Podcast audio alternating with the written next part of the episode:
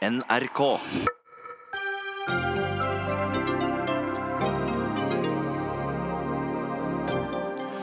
Senterpartiet er ferdig med behandlingen av grisemeldingen til Liv Signe Navarsete. Men hva sier nestleder Ola Borten Moe om veien videre nå? Han kommer til Dagsnytt 18. Elevorganisasjonen mener det er dårlig gjort at mindreårige som har fått avslag på asylsøknaden, mister retten til å gå på skole. Men hva skal de lære norsk og samfunnsfag for når de skal sendes ut av landet likevel, spør regjeringen. Så har eh, president Trump innrømmet at han har betalt penger til pornostjernen Stormy Daniels, men kun indirekte og egen lomme, slik at hun ikke skulle komme med beskyldninger mot ham. Og Statoil blir etter alt å dømme til Equinor, uten at noe parti får stoppet det, uansett hva de måtte mene om saken, men Arbeiderpartiet liker det dårlig.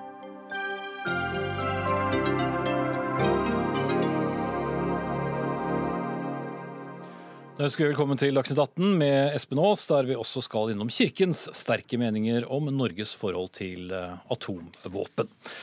Men helt først, i dag ble det altså klart at eh, Senterpartiet avslutter saken om grisemeldingen til Liv Signe Navarsete fra 2016. Det bestemte sentralstyret etter at politiet i går besluttet at de ikke kom til å etterforske saken.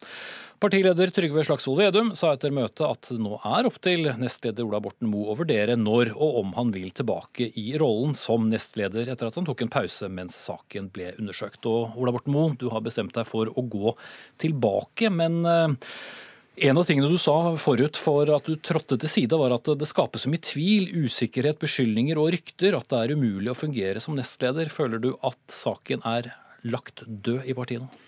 Ja, det har skjedd to viktige avklaringer i dag, eh, som også har vært viktige for meg. Det ene er at sentralstyret enstemmig har satt punktum i saken. Etter en veldig intensiv og krevende periode for, for mange. Ikke minst Liv Signe Navarsete. Det andre er at generalsekretæren har bekrefta og slått fast eh, at det er ingenting som tyder på at dette er en kollektiv handling eller noe som man har gjort i fellesskap. Og Begge deler eh, syns jeg er viktige avklaringer eh, som gjør det mulig for meg nå å gå tilbake som nestleder i Senterpartiet og starte jobben, vil jeg si, eh, med å få lagt denne ulykksalige saken bak oss få samla laget. Eh, få fokus over på politikk og jobbe frem mot eh, neste års kommune- og fylkestingsvalg, der vi har store ambisjoner. Mm. Men som kjent så har jo ingen stått frem som meldingens forfatter, hvis det er riktig uttrykk. Føler du deg likevel renvasket i denne saken? Ja, Så renvaska som man kan bli. Eh, men jeg skulle jo veldig gjerne ha sett at denne saken har funnet sin endelige løsning. Eh, og det skulle jo aller helst ha skjedd på et mye tidligere eh, stadie. Altså ideelt sett i 2016, altså for over to år, år siden. Det skjedde ikke. Selv om det ble gått ganske tøffe og omfattende runder også da. Nå er det gått nye og langt tøffe runder, men vi står her med samme resultat. Det er jeg nødt til å ta utgangspunkt i. Jeg har ikke noe annet valg enn å ta utgangspunkt i den virkeligheten som vi står i nå. Jeg skulle gjerne ønske at den har vært eh, annerledes. Eh, men, men, her er vi, eh, og det må vi eh, jobbe med utgangspunkt i framover. Mm. Bare for å gå litt tilbake i tid, da, når var det du første gang ble klar over at denne meldingen var sendt til Liv, Liv Signe Navarsete? Ble du klar over på hytteturen eller etterpå? Nei, det ble, ble vi kjent med uka etter. Og det ble jo umiddelbart klart at dette her var ei helt uakseptabel melding, sjølsagt. Det var jo også tidlig klart at omstendighetene rundt var en sånn karakter at det ikke gjorde saken noe bedre. Så la meg bare si at det er ingen tvil om at denne meldinga aldri skulle ha vært sendt. Det er ingen tvil om at eh, Liv Signe Navarsete aldri skulle ha mottatt denne meldinga, som jeg er helt sikker på og vet at det har vært problematisk uh, for hun. Uh, og det ble derfor òg gjort Eh, både jobb og innsats for å få rydda opp i det med en gang. og det, det, lykte, det, lyktes vi ikke med å gjøre. Hva gjorde du som nestleder da du ble kjent med den? Ja, det her ble jo håndtert av partledelser fra, fra dag én. Eh, Mitt inntrykk er eh, som sagt at det her også hadde stort fokus allerede den gang. Eh, nå har det hatt enda mer eh, fokus, eh, og vi står der vi står. Syns du det er rart at ingen i en gjeng på ti stykker som velger å dra på hyttetur, eh, ikke har innrømmet at han sendte den meldingen? Ja, selvsagt gjør jeg det. Eh, og i tillegg til de påkjenningene det her har påført andre eh, ufortjent, eh, både Liv Signe Navarsete og partiet, så er jo det her også et tillitsbrudd internt i en kameratflokk, en bekjentskapskrets, som vi er nødt til å håndtere på et eller annet vis i etterkant av det her. Nå er det fremdeles ferskt, og det er veldig, veldig intenst. Så det er for tidlig å si hvordan Altså, Det går ikke an å si noe klokt om det, eh, om det nå, men eh, det er langt fra en ideell situasjon. Men din oppfatning er da at én av dere ti tok en annens telefon og sendte melding uten at de ni andre var klar over det? Nei, Min oppfatning er at én av de ti som var på den turen, sendte den meldinga. Eh, hvem det er, det har jeg ingen formening om. Og har jeg hatt det, så hadde jeg kommet til å sagt fra om det. Bidratt til sakens eh, oppklaring eh, så fort som eh, overhodet mulig. Dette er ikke en situasjon som som noen burde ha vært i, aller minst Liv Signe Navarsete. Hva slags kontakt har dere hatt mens denne saken nå har blitt tatt opp igjen? Jeg traff Liv Signe sist på landsstyremøtet vårt, som var tre-fire dager før denne saken kom ut i media. Jeg har ikke hatt kontakt med Liv Signe nå i løpet av eh, de her eh, ukene. Jeg og Liv Signe eh, Navarsete har jo vært ut en vinterdag før. Min opplevelse er at vi klarte å reetablere et saklig og konstruktivt forhold i de fire årene som har gått etter det ekstraordinære landsmøtet vårt på Lillestrøm. Eh, Jeg håper og tror at eh, vi skal klare å gjøre det samme igjen. Forut for at denne saken eh, ble kjent i mediene, så gikk jo du også ut på din egen, egen Facebook-side og henviste til ditt eget bryllup og saken rundt Venstre-leder Trine Skei Grande der. I ettertid har noen valgt å peke på at dette kunne bli sett på som en avledningsmanøver. Hva sier du til det? Nei, det syns jeg er veldig urettferdig kritikk. Jeg har ikke tenkt å kommentere den saken utover det som eh, jeg gjorde skriftlig eh, den gang. Eh, Og står inn eh, for det. Det mener jeg var ei nødvendig oppretting av et feilaktig inntrykk som var skapt de siste månedene. Men det var helt tilfeldig at det skjedde samtidig som at denne saken begynte å ulme i partiet. Ja, Det som utløste den saken, det var jo et intervju i, i VG Helg i påska. Og det her kom jo eh, etter påske. Mm. Så har det jo også dukket opp enda en sak eh, i går, nemlig meldingen om at daværende Natur- og Ungdomsleder Silje Ask Lundberg kontaktet SMK, altså Statsministerens kontor, etter at din rådgiver Ivar Vigdenes skal ha sendt eh, såkalt flørtende meldinger til henne. Du var da oljeminister, skal ifølge henne ha bedt henne om å droppe varselet. Eh, Stemmer det? Det som skjedde eh, den gangen, det var jo at eh, vi fikk ei henvendelse. Ikke et varsel, men en henvendelse fra statsministerens kontor om upassende oppførsel eh, fra min rådgiver.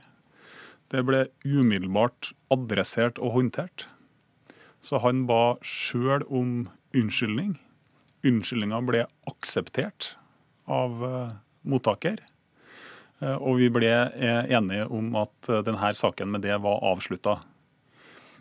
Jeg syns det er ganske adekvat behandling av en sånn type sak. Hva hva var din rolle? Altså, ringte du direkte til henne og sa at du misforstått? um, nei, jeg tok umiddelbart kontakt med eh, Ivar Vignes. Jeg har aldri sagt at noen har misforstått noen ting, og det ligger vel i sakens natur at når man legger seg flat og ber om unnskyldning, så er det skjellig grunn til faktisk å gjøre det. Eh, og så eh, hadde jeg en samtale med, med, ved, med rette vedkommende. Dette er jo en samtale som er over fem år tilbake i tid vanskelig for meg å rekapitulere innholdet i den detaljert uh, nå. Jeg må bare ta til etterretning at hun satt igjen med den uh, opplevelsen. Men min opplevelse er at vi ble enige om at dette ikke var noe å gå videre med. Uh, at saken var rydda opp i. Beklagelser var både gitt, mottatt og akseptert.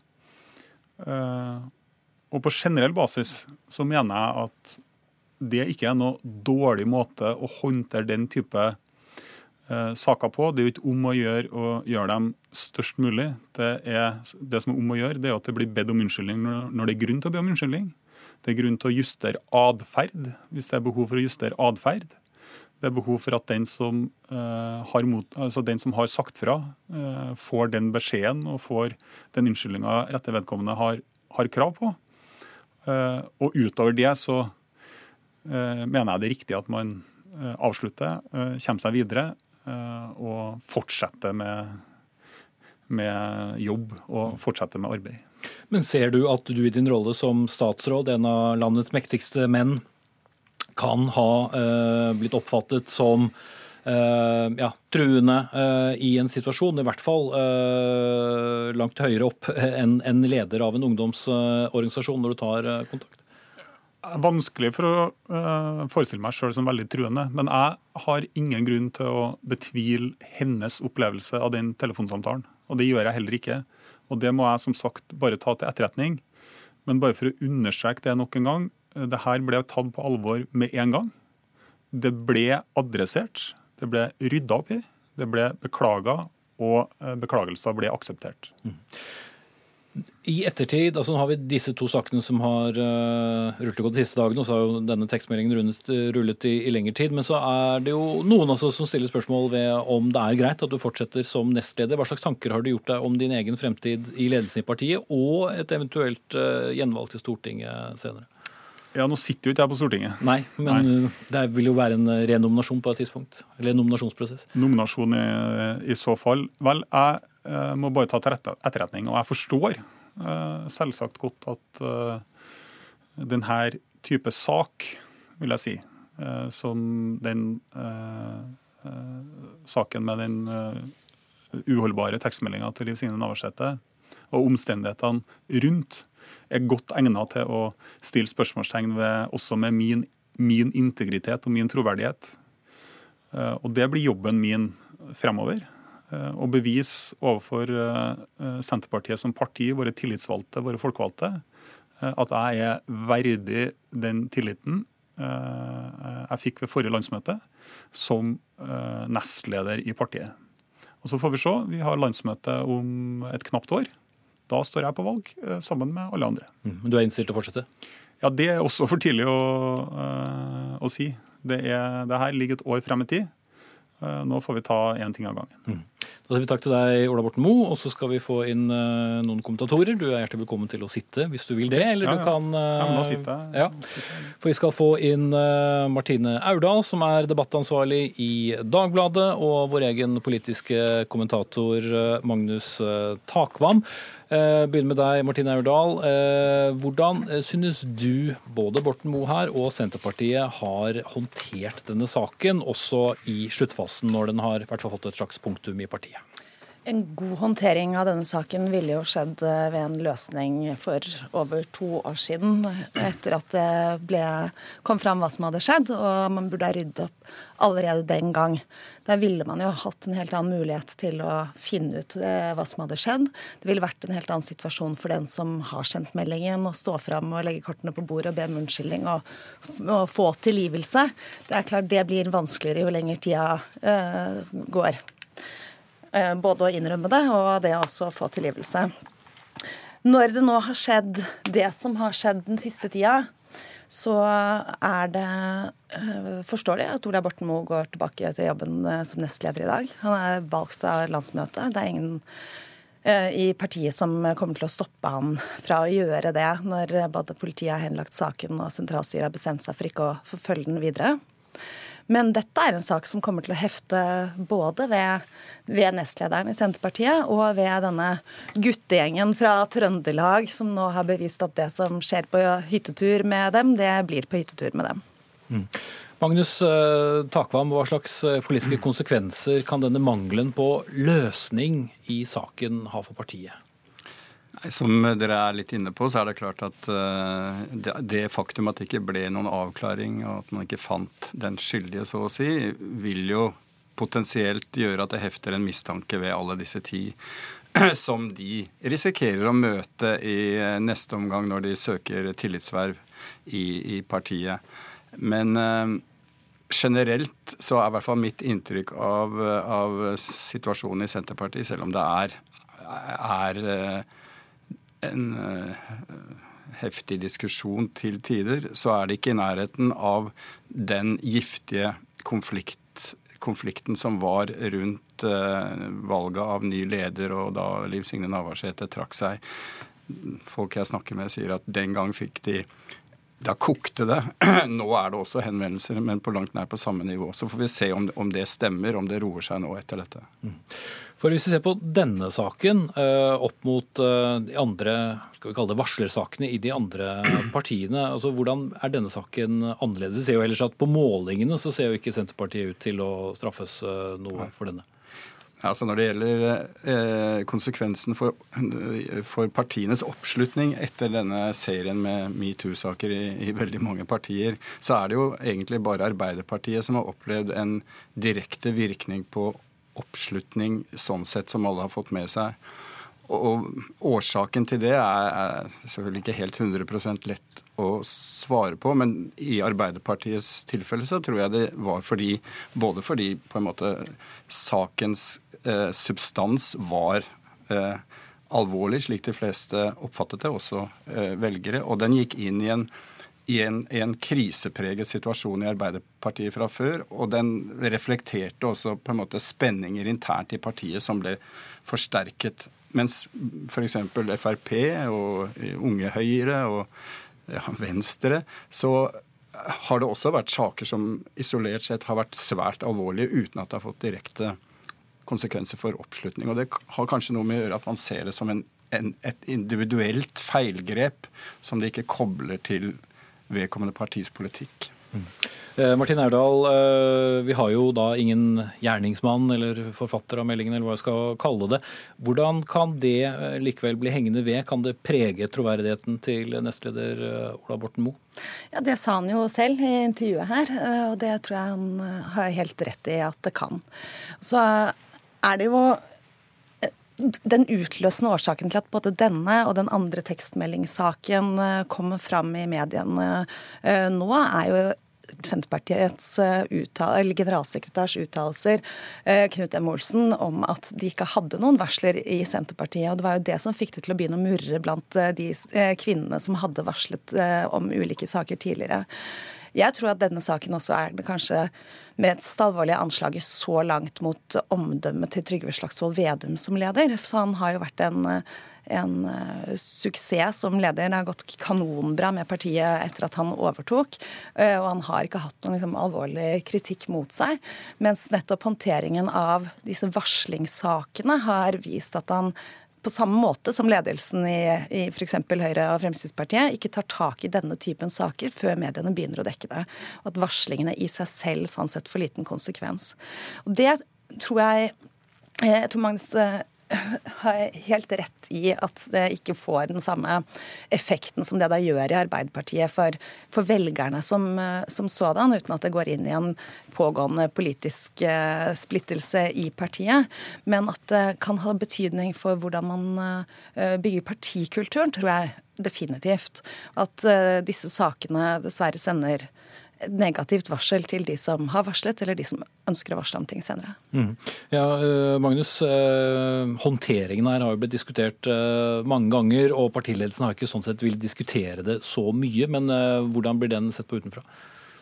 Nei, Som vi har registrert i dag, så er jo den ene parten, eller den, den som har lidd overlast her, Liv Signe Navarsete, reagert veldig kraftig på det og kommenterte, kommenterte med sterk kritikk av håndteringen den gang eh, da saken eh, oppsto i 2016, og sagt at det er en skam eller det er et, eh, et, veldig dårlig symbol for hvordan man skal håndtere sånne saker. Så den typen eh, reaksjon eh, eh, er jo et uttrykk for at det i partiet også lever en kritikk av det.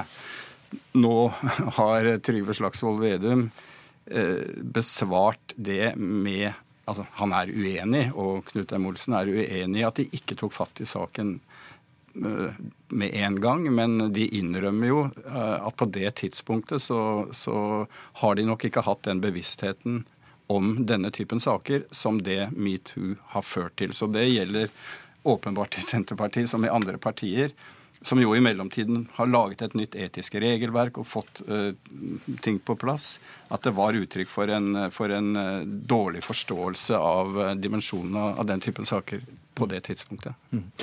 Flere partier, deriblant Kjersti Toppe, sier at det ligger et stort ansvar på sentralstyret i partiet til å ta saken videre. Men hvor mye mer kan man gjøre i denne saken?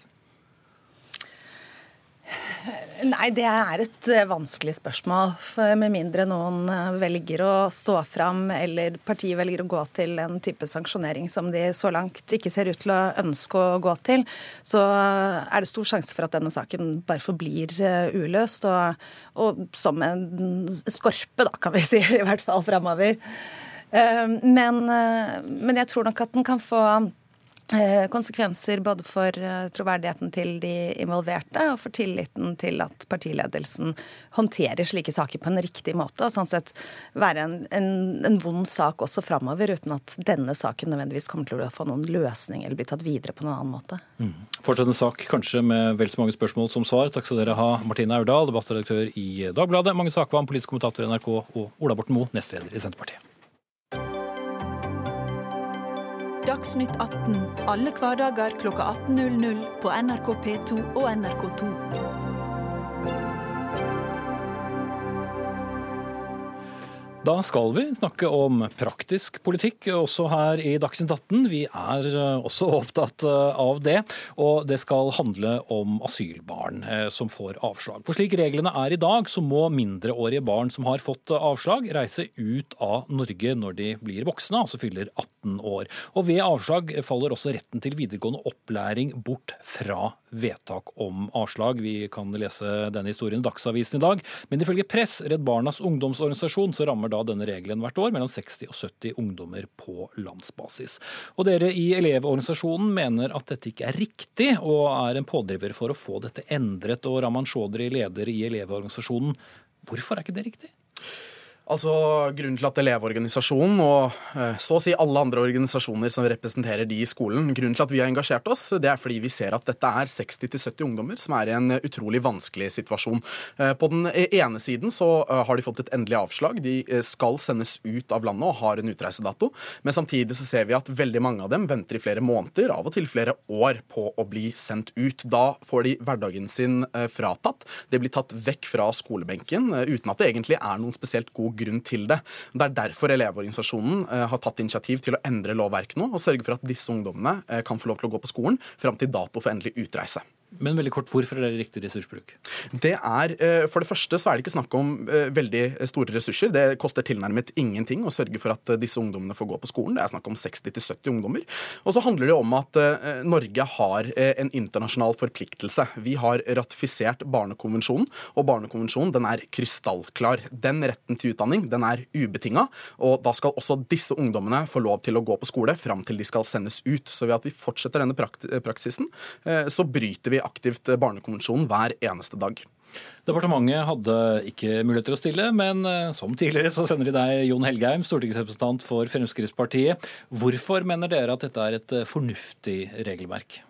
Det enkle svaret på det er jo at eh, vi mener det er riktig å bruke ressursene på de som skal bli i Norge, og ikke bruke ressurser på videregående opplæring på personer som ikke skal bli i Norge, altså som skal sendes ut. Og det er jo faktisk sånn at man har mye rettigheter som asylsøker i Norge, og spesielt mindreårige asylsøker, eh, så har man rettigheter til eh, opplæring. Eh, I de aller fleste tilfeller, vil jeg si. Men så er det noen som ikke har det, og det er rett og slett de som er her ulovlig. Og jeg mener at det er både viktig med tanke på hva skal vi bruke ressursene på, men så er det et viktig signal også at man skal ikke bare få og få tilgang til norske velferdsgoder når man er i landet ulovlig. Men det er ikke de store ressursene, sier Sjodri? Nei da, men det har noe med signaler eh, man gir også. Og så er det veldig mange i forskjellige typer situasjoner som det kommer opp sånne eh, initiativ eh, støtt og stadig, hvor man mener at den gruppen må ha det, og den gruppen må ha det, og den gruppen ha det. Og veldig ofte så er det snakk om personer som er i Norge uten lovlig opphold.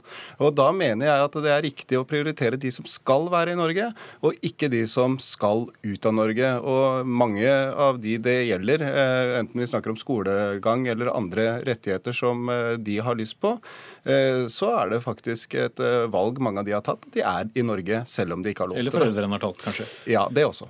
Men er det da bedre bruk å bare oppbevare dem og så sende dem ut, fremfor å kanskje kunne være med på å gi dem et, en bedre plattform når de, når de sendes hjem? этим – Nei, altså, Vi har jo ikke noe sånn prinsipiell motstand mot å gi et godt tilbud. Eh, og Mange kommuner og fylkeskommuner gir tilbud. Mange gir jo til og med opplæring selv om de ikke har krav på det.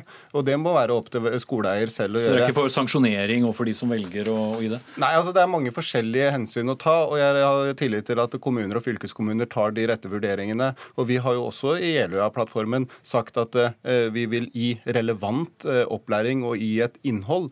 Kanskje eh, satse mer på det eh, som kan være relevant. Det kan være engelskundervisning eh, eh, for de som ikke skal bo i Norge. Det er ikke så nødvendig å terpe på norsk da, hvis du ikke skal være her. Men at vi kan på sikt tilby noe sånt noe, det skal vurderes. Så Man er ikke prinsipielt imot det, men det er noen hensyn å ta. Og det er rett og slett med tanke på innvandringsregulerende tiltak. Vi kan ikke bare gi og gi og gi til den ene gruppen etter den andre som ikke har krav på det, som er i Norge uh, ulovlig og nekter å forlate mm. landet. Ja, altså For det første, det er greit at Helgheim bryr seg om signalpolitikk, men Elevorganisasjonen og alle organisasjoner som har stilt seg bak dette, bryr seg om faktisk politikk. At vi faktisk skal kunne sikre disse ungdommene en rett til å gå på skole. Jeg syns det er en ansvarsfraskrivelse fra, fra, Helgheim og fra regjeringen å si at dette skal være opp til, til fylkeskommunene. Igjen, det er slik at vi har en forpliktelse til Barnekonvensjonen, som Helgheim for øvrig ikke har nevnt. Jeg skal ikke bruke så mye tid på å forklare internasjonale forpliktelser til en eh, politiker som har sagt sitat at han blåser i menneskerettighetene. Men for det første, Barneombudet de har slått fast at, eh, de har slått fast at denne retten til utdanning også gjelder for disse ungdommene. Og Justisdepartementet, der Fremskrittspartiets egen statsråd sitter, de har også slått fast, deres lovavdeling, at vi bryter eh, Barnekonvensjonen. Så det er det første. Og dette med at Helgheim gjemmer seg bak et argument om midler, det kjøper jeg ikke. Det koster 11,5 millioner millioner kroner. Bare for å veldig kort, sette det, veldig, veldig kort sette det, inn i, i, perspektiv. da. Arbeidsgiveren til Helgheim brukte eh, 32,5 eh, Nei, 3,2 eh, milliarder kroner eh, på en, på, en, enorm byggesprekk. Hadde vi brukt alle de pengene på å gi disse ungdommene skoleplass, så hadde vi sikra 12 000 ungdommer med endelig avslag skoleplass. Heldigvis, nei, men heldigvis for Helgheim så er det ikke snakk om 12 000 ungdommer, det er snakk om 60. Det er 11,5 millioner kroner spredd utover 18 fylker. Det er en promille av det utdannelses bistandsbudsjettet vi har. Så jeg syns det er et veldig da, håpløst argument. Og, da skal Helgheim få svare. Ja, Her var det mye som ikke hadde noe med saken å gjøre. Men Du kan slippe Stortingets byggesprekk, men du kan ta det som har med konvensjonen å gjøre. Ja, altså Barnekonvensjonen sier noe om retten til opplæring. Men det er noen forhold som, som unnlates å bli nevnt her. Og det er hvis det er ansett å være et kortvarig opphold ulovlig i Norge, så er dette blitt grundig vurdert av lovavdelingen avdeling i eh, departementet, og de har kommet fram til at eh, man kan fint eh, gjennomføre den praksisen som man har i dag. Men hvis det er lenger, så bør ja, altså, de få? Da, man skal ikke være lenge i Norge uten lovlig opphold. og Det er noe vi ønsker å etterleve. Men det skjer jo at mange blir sittende Vi har hatt mange saker på, på ja, barn eller unge voksne, om du vil, som blir sittende lenge. Ja. Og dessverre så er det eh, ofte sånn at mange blir sittende lenger enn det man ønsker. Eh, og jeg er litt tilhenger av at vi må slutte å alltid da peke på at det er myndighetene som gjør feil, for det er faktisk noen som oppholder seg ulovlig i landet. Eh, og nekter å samarbeide med myndighetene og nekter å forlate landet når de ikke har eh, lovlig opphold. Men bare ta et eksempel Stemmer, for å illustrere hvor gode rettigheter man har. Ikke et veldig langt eksempel, for ett minutt igjen. Ja, for, for man kan, eller man har rett til eh, opplæring i Norge hvis man har egentlig avslag, men har fått midlertidig oppholdstillatelse. Man- De aller, aller fleste har denne retten, men hvis man er her ulovlig, så synes jeg det er rett og rimelig at man ikke da får tilgang til velferdsgodene i Norge heller. Men der er du enig, Chaudhry. Ja, og disse ungdommene de som sagt tidligere, de er fanget i et vakuum her. der De ikke, eh, f- altså de har ikke kommet fram til utreisedatoen sin. De har ikke mulighet til å reise ut av, eh, ut av eh, landet. Barnekonvensjonen den er krystallklar. Det er Barneombudet enige om, det er Justisdepartementet enige om, det er elever, lærere, foreldre, rektorer, lærerstudenter. Kort sagt alle i skolen enige om, så det er ikke så mange igjen som Helgheim kan være eh, enig i. Men nå håper Elevorganisasjonen at opposisjonen lytter til alle oss som jobber i skolen, til Barneombudet, til Lovavdelingen i Justisdepartementet og går inn for et flertallsvedtak, så disse ungdommene kan få en hverdag. Ok, da setter vi strek. Eh, Raman Chaudhry fra Elevorganisasjonen og Jon Helgheim fra Fremskrittspartiet.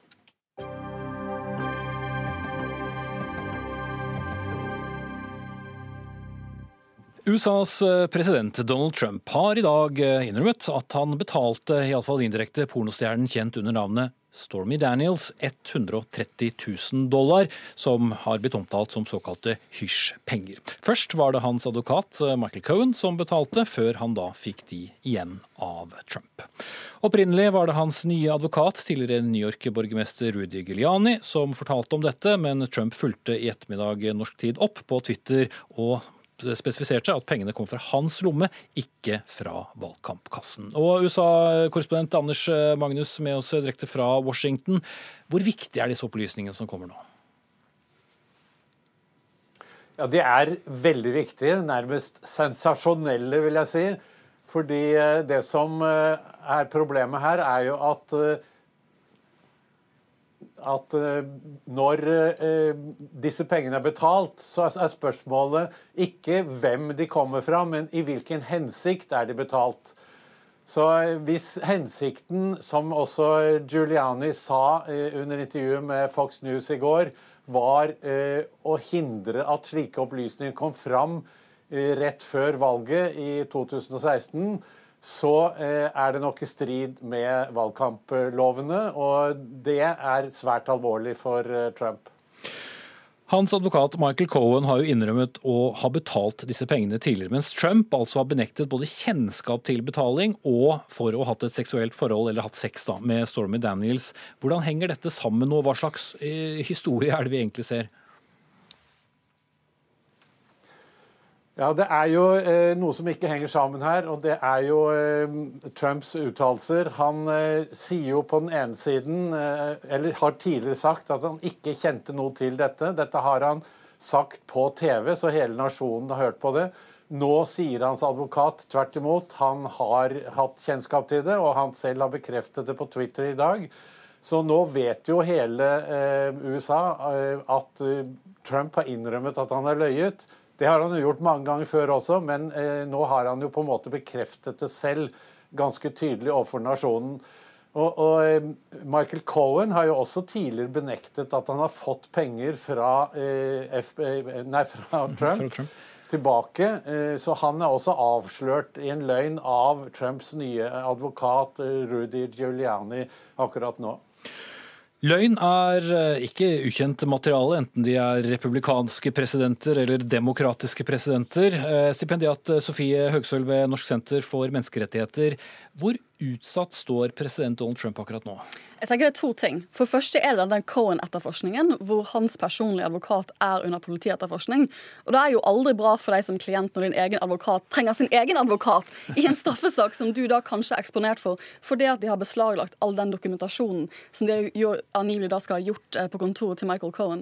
Eh, Så det er, eh, det er ikke bra for Trump. Men vi vet ikke helt omfanget av hvor eksponert han er ennå, til vi vet mer om den dokumentasjonen som politiet har tatt. Det er det ene sporet. Og det går jo litt inn i det andre sporet, som er at dette skjer jo eh, i en sånn kontekst av at Trump sin, sine andre advokater jobber nå iherdig for å få klargjort om han skal sitte ned og snakke med Robert Mueller i et formelt intervju.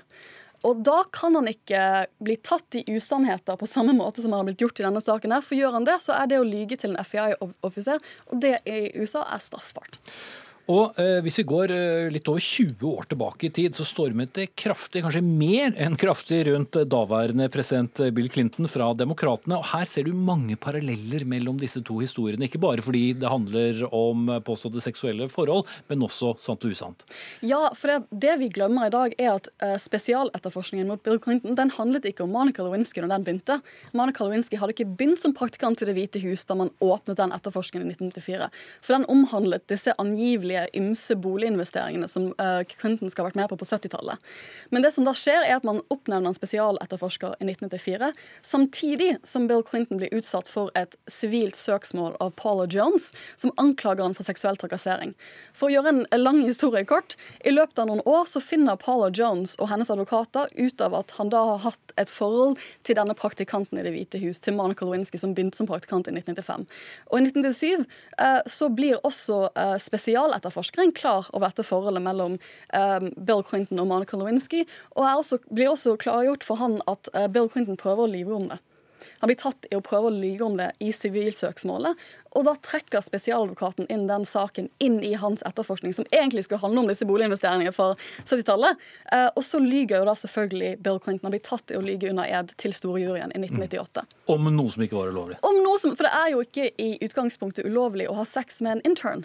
Eh, det er nok et, Man kan stille etiske spørsmål til det. I dag vil vi kalle det en metoo-sak. Men det er ikke ulovlig. Og det som eh, Bill Clintons eh, spesialetterforskningssak understreker, er at hvis Trump blir tatt i å, si no, i å lyge om noe som ikke er ulovlig engang, i løpet av dette intervjuet med Robert Mueller, så kan det føre til impeachment. Mm. Eh, Anders Magnus, det er jo selvfølgelig mange som følger med på denne saken, både blant demokrater og republikaner. og andre venner og fiender av eh, Trump. Eh, ser vi noen form for sabelrasling ennå? Ja da, det er veldig mange som rasler med sablene her nå. Eh, det er mye oppmerksomhet rundt denne saken på alle TV-kanalene nå. Og det er mange som mener at Giuliani har gjort Trump en bjørnetjeneste, altså gjort noe dumt for Trump. Eh, men at han, eh, dette var avtalt med Trump på forhånd, og sannsynligheten for altså Grunnen til at han gjort det, er sannsynlig fordi eh, både Giuliani og Trump vet at i materialet som FBI har funnet hos Trumps tidligere advokat Michael Cohen, så finner de bevis for at Trump har betalt disse pengene. Da har de sannsynligvis funnet ut at det var bedre å komme med dette nå enn, komme, enn at dette skal bli lekket fra FBI f.eks. til noen journalister på et senere tidspunkt. Og Omtalen av FBI, bl.a. fra den tidligere borgermesteren eh, i, i New York, eh, har heller ikke eh, vært spesielt rosende. Nå må du gjenta det du sa. Omtalen av FBI fra den tidligere borgermesteren i New York og nå advokat for Trump, Giuliani, har heller ikke vært spesielt rosende.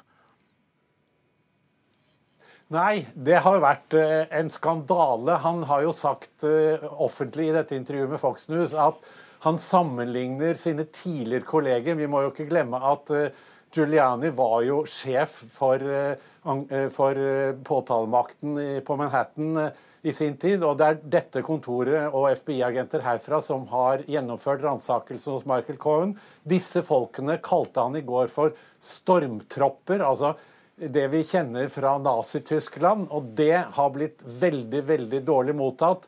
Eh, det er jo mange nå som sier at nå må myndighetene i dette landet snart begynne å forsvare det føderale politiet, FBI, og ikke anklage dem og holde dem opp som naziagenter. Mm. Sofie Høgsøl, er det noen åpenbare forskjeller på det som stormet rundt uh, Bill Clinton og det som nå stormer uh, rundt Donald Trump? Jeg tror en av de åpenbare forskjellene er at uh, Clinton var jo nettopp gjenvalgt når denne saken virkelig ble stor. Han ble jo gjenvalgt i 1996. og det har jo ikke Trump blitt ennå. men han står jo overfor et delstatsvalg om seks måneder. og det, det, er jo stort spørsmål. Spørsmålet for meg er jo hvor mye dette vil påvirke det valget som kommer i november. For dersom man får en endret situasjon i Kongressen, så kan det føre til et flertall som vil begynne å se på impeachment. Men som sagt, alle møter jo seg litt i døren her. For på 90-tallet så mente demokratene at det var forkastelig at spesialetterforskeren hadde gått utover mandatet sitt og begynt å se på ting som ikke hadde noe med den underliggende saken å gjøre. Eh, og republikanerne mente det var viktig å se på alle sider av saken her. Og nå møter jo begge parter seg i døren, for i dag sa jo Rudy Giuliani flere ganger på TV at er, vi må shut this down, vi må komme tilbake igjen til det som egentlig var mandat for spesialetterforskningen, og det er denne Russland-innblandingen. Og Dette har ikke noe med det å gjøre. Så nå, nå, nå er jo sidene helt snudd for det det var på 90-tallet, politisk. Mm. Og i hvor stor grad kan denne påståtte Russland-innblandingen bli en del av menyen hvis denne saken nå begynner å rulle videre, og hvor skummelt kan det være for Trump? Det, eh, jeg jeg syns det er veldig vanskelig å komme med uttalelser om den pågående Russland-etterforskningen. Litt fordi at det vi ser, er at Mueller lekker ikke. Det er veldig vanskelig å vite hva han skal gjøre om to-tre måneder. og Det var vel en annen forskjell til Clinton, hvor ja. det ble lagt som en Kenneth, sil? Kenneth Starr var, var nok veldig presseglad, uh, og han lakk hele tiden. Og det vi ser at Mueller, uh, Robert Mueller gir ingen intervjuer, og han lekker ikke. Eneste måten å vite hvor han vil hen, det er å begynne å lese disse rettsdokumentene som kommer i de sakene som pågår, for han har jo allerede tiltalt folk. Og det er nok det neste som skjer i denne saken, er at Paul Manafort, rettssaken mot han skal starte snart, og da får vi kanskje et sterkere innblikk i hvordan det er linket til Russland, og kanskje også til presidenten. Mm. Da setter vi strek der. Takk skal du ha, stipendiat Sofie Høgsorg ved Norsk senter for menneskerettigheter, og vår mann i Washington, Anders Magnus.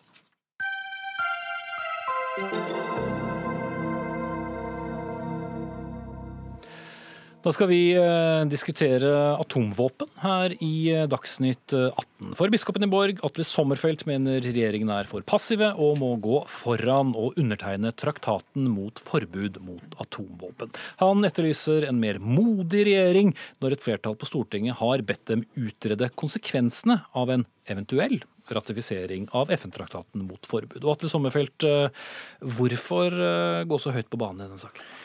Det er jo slik at eh, Kirken har i eh, hele sin eksistens eh, arbeidet med spørsmål om hvordan man kan begrense skadevirkningene knyttet opp til krigføring.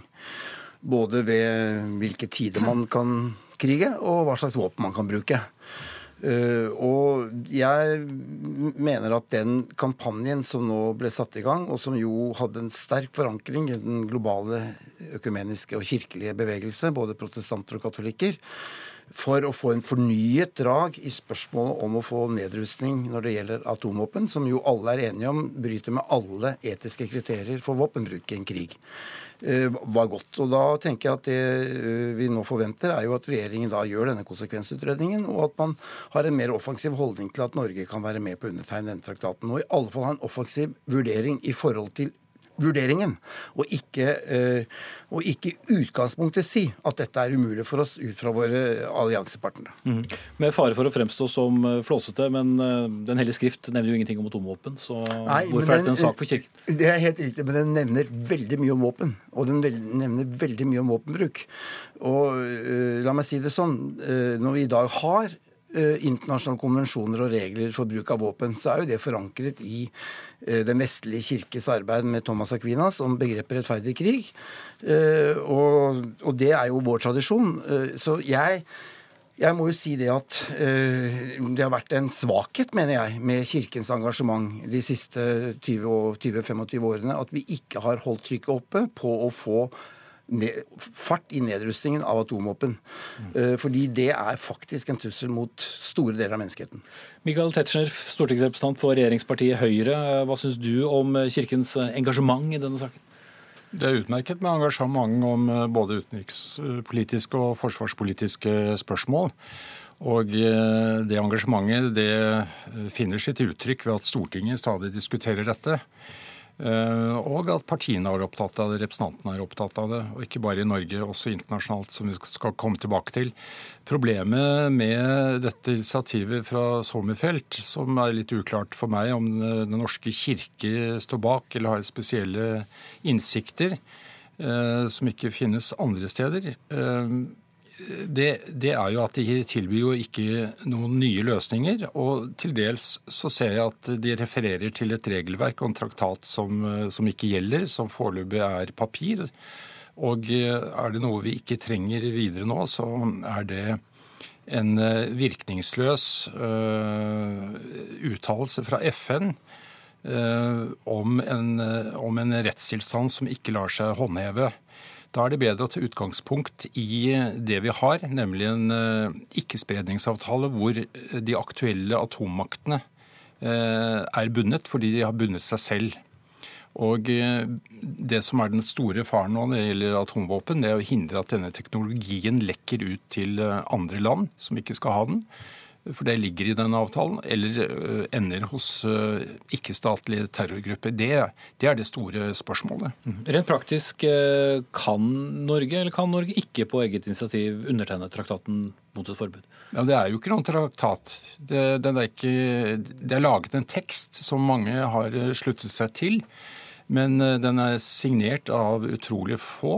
og eh, for det, det er skrevet en artikkel av Sommerfelt og en eh, kollega, Berit Hagen Agøy, generalsekretær i Mellomkirkelig råd, som dessverre ikke gir informasjon om denne statusen som bestrebelsene hittil har gitt. Det finnes ikke noe folkerettslig bindende traktat.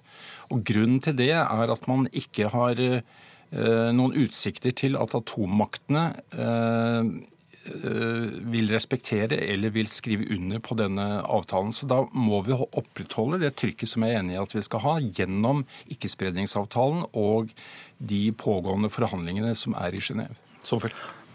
Eh, altså jeg vil bare minne Tetzschner om uh, hvordan arbeidet med nedrustning og forbud mot ulike masseødeleggelsesvåpen har foregått fra slutten av 1800-tallet. Det har jo nettopp skjedd ved at statene blir enige om å ikke bruke våpen som de har kapasitet til å ha, og eventuelt har. Begynner jo i 1899 med kjemisk. Og sånn har jo dette gått hele veien. Uh, og det som jo er diskusjonen her, er jo hvorvidt Selvfølgelig er vi klar over at dette ikke er en folkerettslig bindende traktat. Ikke mm. ærlig talt. Ja, Men det var fint. Uh, ja, men, men altså, da må jo du også forholde deg til historien her. Uh, og historien er jo faktisk sånn at det er jo nettopp ved at man går inn og lager normer som statene blir forpliktet på, som gjør at man får nedrustning i gang. Og De siste eksemplene er jo landminene og klasebombene. Eh, men før det så har man både biologiske og kjemiske våpen. Og vi ser jo nå i disse dager. Hvordan nettopp traktaten mot kjemiske våpen og med de instituttene som er rundt det, instrumentene, kan brukes da, i Syria f.eks. Det er jo ikke tilfeldig at dette skjer. Og er jo, Det er jo rett og slett en, en, en, den gamle kirkelige tanken her, og som jeg regner med at Høyre jo har stått for i alle år, det er at med lov må landet bygges. Og med lov må det internasjonale samfunnet bygges. Og det at noen er forbrytere, kan jo ikke si at vi ikke skal lage lov. For men problemet er, er at atomvåpen bryter med alle prinsipper okay. for etikk i et krigføring. Det er greit. Eh, Norge er Nato-medlem. Eh, det er atomvåpen i Storbritannia, det er atomvåpen i Frankrike. Hvordan kompliserer det eventuelt hva Norge skal eh, mene, eller ikke kompliserer hva Norge skal eh, mene? Tetzschner? Nei, Det kompliserer jo ikke. Det betyr jo bare at man opptrer samlet. fordi alle har jo hjemlige opinioner og har jo også selv ønske om å finne frem til virkningsfulle måter til reell nedrustning, uten å gå til det skrittet som anbefales indirekte her, nemlig ensidig nedrustning. For da vil jeg tilbake til det som Sommerfelt sier her. Det blir jo ikke en lov av at det skrives på et papir. Eh, man må nemlig ha en sikkerhet for at brudd på internasjonale normer kan eh, håndheves. Og der stiller jo atomvåpnene seg i en helt spesiell kategori som ikke gjør dem sammenlignbare med klasevåpen eller kjemiske våpen. Det er nemlig det at det er ikke mulig, uten å risikere en atomkrig, altså selve det du er ute etter, å hindre nemlig ødeleggelse av, av kontinenter og, og, og, menneskelig liv i stort omfang. Hvis du skal avvæpne en som da uh, har på urettmessig måte, ifølge det dere ønsker skal bli uh, folkeretten så, Som avskrekking? Man har ikke det er ikke avskrekking. Det er rett og slett Man har ikke midler for avvæpning av, av, en nasjon som har enten skapt seg atomvåpen på egen hånd, eller eh, i strid med forpliktelsene ikke levert inn. For jeg går ut fra at det må være rekkefølgen. Først må vi ha nedrustning, balansert, verifiserbar, konstaterbar under internasjonal kontroll. Så kan du etablere et regelverk for hvordan det skal bli fremover. Men Tetzschner, du vet jo at, eh, at, eh, dette handler jo om selvfølgelig at statene må slutte seg til. Og det at det bare er et papir eller en, resolusjonstekst, som du sier, er jo nettopp fordi stater som Norge ikke vil gå inn i det. Det er punkt én. Punkt to, det er jo faktisk sånn da at uh, dette kan jo ses som en konkretisering av uh, Non-Profilation Treaty-avtalens paragraf 6 om nedrustning og forpliktelsen der. Og det har jo tross alt i 50 år vært begrenset resultater av den paragrafen. Og her er det, ja, ikke snakk om, det, det, er ikke snakk om, det, er ikke, det er ikke snakk om ensidighet her. Det er jo nettopp snakk om å si at her har man et tydelig mål, og det er etter min oppfatning etter kirkens Er det er det, det norske kirke? Er det Atle Somfeldt? Ja. Det er, eh, det, er, det er Mellomkirkelig råd som er Den norske kirkes offisielle organ for denne type spørsmål, som slutter seg til den store globale kirke. Men vi lever heldigvis i en luthersk og en protestantisk kirke, eh, og det er fullt mulig for folk å være uenige med både biskop og kirkemøtevedtak. Så det er ikke vanskelig. Dette er jo utrolig Nei, nei altså, bare, jeg ber bare bemerket at uh, det er jo totalt selvmotsigende at denne nye papirbestemmelsen, som man vet eh, ikke har utsikter til å bli akseptert av de ni atommaktene vi har, hvorav fem er i Sikkerhetsrådet. Begrunnelsen for dette er at man ikke er kommet langt nok med den avtalen og den traktaten som de samme maktene allerede har skrevet under på. Det viser jo nettopp at eh, papirbestemmelser ikke er det som forandrer verden. Først må vi gå veien om realitetene, nemlig gjensidig verifiserbar nedrustning. Og så må vi etablere et håndhevelsesinstitutt institutt for at eh, denne teknologien ikke tas i bruk på denne måten. Men, det, er, men det er jo altså sånn at dette har skapt mye dynamikk i debatten. Internasjonalt og i mange land. Og det ble også debatt eh, her. Takk til biskop eh, Atle Sommerfelt i Borg og stortingsrepresentant Michael Tetzschner fra Høyre, medlem av utenriks- og forsvarskomiteen. Hør Dagsnytt 18 når du vil. Radio NRK Radio.nrk.no.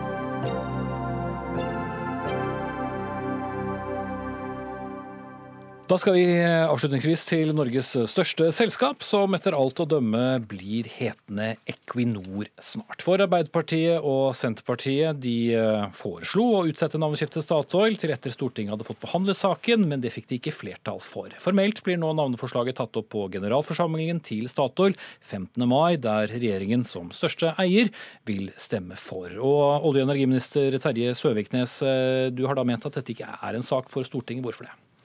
Nei, fordi eh, både Grunnloven og prinsippene knytta til eh, eierskapsutøvelsen, som er gitt gjennom eierskapsmeldinga, eh, sier at det er større saker knytta til f.eks. kjøp og salg av aksjer, eventuelt kapitalutvidelse.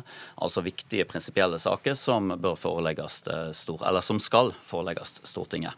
Og jeg tror at Espen Barth Eide og jeg er enige om at denne saken isolert sett ikke formelt sett krever noen behandling i Stortinget, så har da likevel eh, Arbeiderpartiet og Senterpartiet valgt å løfte det inn i Stortinget og gjøre det til en sak, eh, både gjennom et representantforslag, en høring som ingen dukker opp i, sier vel kanskje litt òg om eh, størrelsen på saka, og i dag en debatt i, i plenum som jeg syns er unødvendig.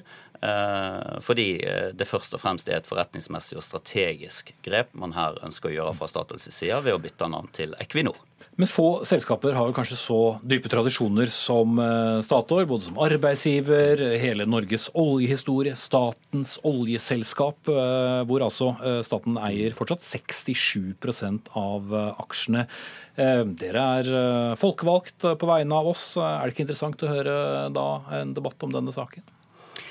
Jo, men eh, vi snakker her om et stort internasjonalt børsnotert selskap. Eh, så kanskje det man ofte forbinder med navn og navnekonkurranser, eh, passer kanskje ikke akkurat i, i, dette tilfellet her. Og dette er jo eh, et grep fra styret og konsernledelsen for å tilpasse navnet til den nye strategien som er lagt for eh, Statoil, der man skal gå fra å være et rent olje- og gasselskap, i sin tid 100% statlig eid, nå en tredjedel privateid til å bli et uh, bredt internasjonalt energiselskap som skal satse både på olje og gass og mm. fornybar. Det er en del av den store energitransformasjonen som skjer i, i, verden i dag. Og Da tenker vi det er greit at man får lov å kikke framover, og ikke bare eh, ta med seg historien, okay. historien, selv om den er stolt og viktig. Espen Barth Eide, stortingsrepresentant for Arbeiderpartiet og medlem av energi- og miljøkomiteen, og medlem av et parti som har vært med på mange store privatiseringer eh, i Norge. Er dette egentlig en sak for Stortinget hva Statoil skal få lov til å skifte navn til internasjonalt?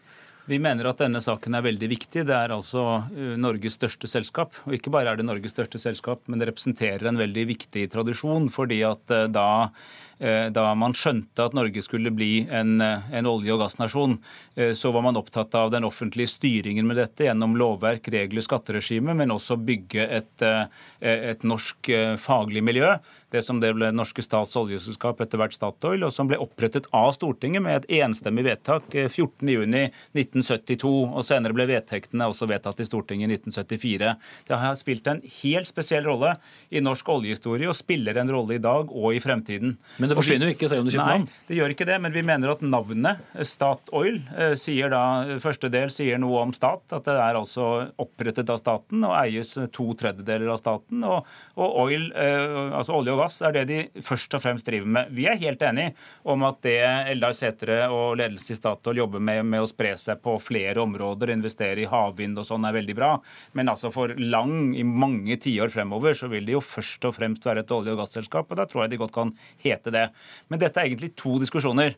Det er én diskusjon om selve navnet. Der har vi ulike syn.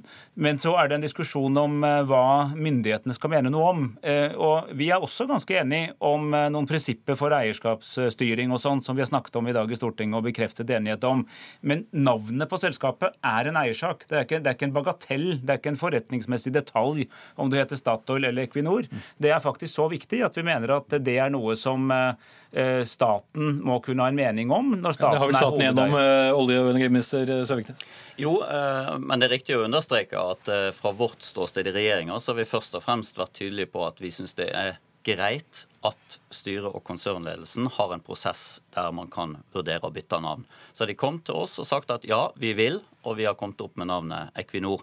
Da har ikke vi først og fremst tatt stilling til selve navnet Equinor, men gått på det prinsipielle. At vi mener det er riktig at det forretningsmessige, det strategiske knytta til selskapets videre utvikling, som først og fremst styret og konsernledelsen holder i til dagen, ja, det må faktisk telle. og Derfor har vi sagt prinsipielt ja til denne navneendringen, og vil, og støtte det på generalforsamlinga 15. Syns du det er et godt navn?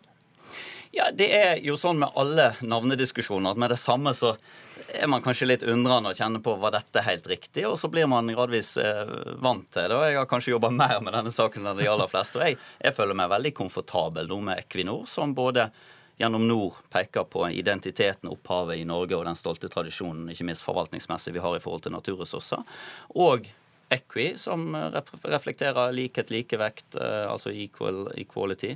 Eh, som jo sier noe om den balansen man nå skal ha mellom olje og gass og fornybar. Klinger det like godt dette... som Stat og Oil for deg, Jesper Martin? Nei, jeg mener at eh, Statoil sier noe som gjør at man fort assosierer noen viktige ting ved selskapet. Jeg opplever ikke at Equinor gjør det på samme måte. men Derfor så har vi ulikt syn på hva som bør være riktig navn. Men det viktige for meg nå det er at eh, vi mener, eh, både Arbeiderpartiet og Senterpartiet har sagt eh, i dag i Stortinget sammen, at vi mener at dette er noe som det er helt legitimt at valgte myndigheter mener noe om. Det er riktig, og jeg vil bekrefte at ikke vi, vi har ikke kritisert regjeringen for at de formelt skulle lagt fram en sak.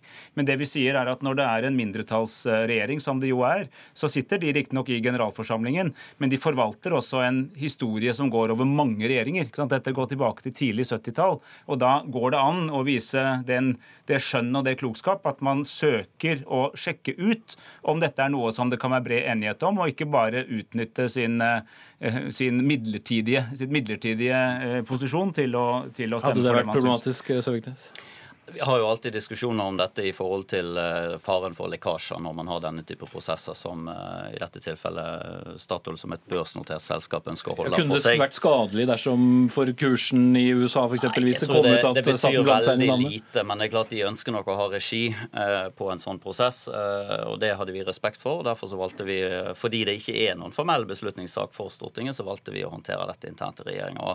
Jeg må få lov å si at det er jo en del år tilbake, da, men når de rød-grønne satt, så ønsket jo òg Statoil å bytte navn. Ja, eh, og da sa de nei. Eh, og det er klart, det ble sagt i dag i Stortinget at i denne saken så framstår kanskje Arbeiderpartiet og Senterpartiet litt som et gammelt grettent ektepar som har mer fokus på fortida enn på framtida. Og, og, vi ser nå framover, for vi, vi, er opptatt av at vi skal bygge Statoil videre som et stort internasjonalt bredt energiselskap. Jo, men jeg var med altså jeg, Stoltenberg I-regjeringen, altså som satt fra 2000 til 2001, der var jeg for øvrig statssekretær, jeg var, fulgte dette nøye, den gikk jo inn for å legge Statoil på børs og åpne opp for delprivatisering. Men vi var også veldig opptatt av at eierskapet skulle først og fremst være statlig. Men der er vi jo ikke uenige. Det var 70 så nå er det 67 Det er avgjørende flertall. Og så har jo styret selv sagt at dette skal opp i generalforsamlingen. Og da må jo de som har stemmer i generalforsamlingen, faktisk stemme, og da må de det... mene enten ja eller nei. Og, ja, og der vet vi hva dere stemmer. Og derfor er det statsråden da utover det eierskapet. Da må jeg sette strek. Espen Barth Eide fra Arbeiderpartiet, olje- og energiminister Terje Søviknes. I morgen sendes Dagsnytt 18 fra Bergen med både Sigrid Solund og Fredrik Solvang i studio. Jeg tror kanskje jeg popper popkorn allerede. Ansvarlig for denne sendingen, Jarand Ree Mikkelsen. Teknisk ansvarlig Erik Sandbråten. I studio, Espen Aas.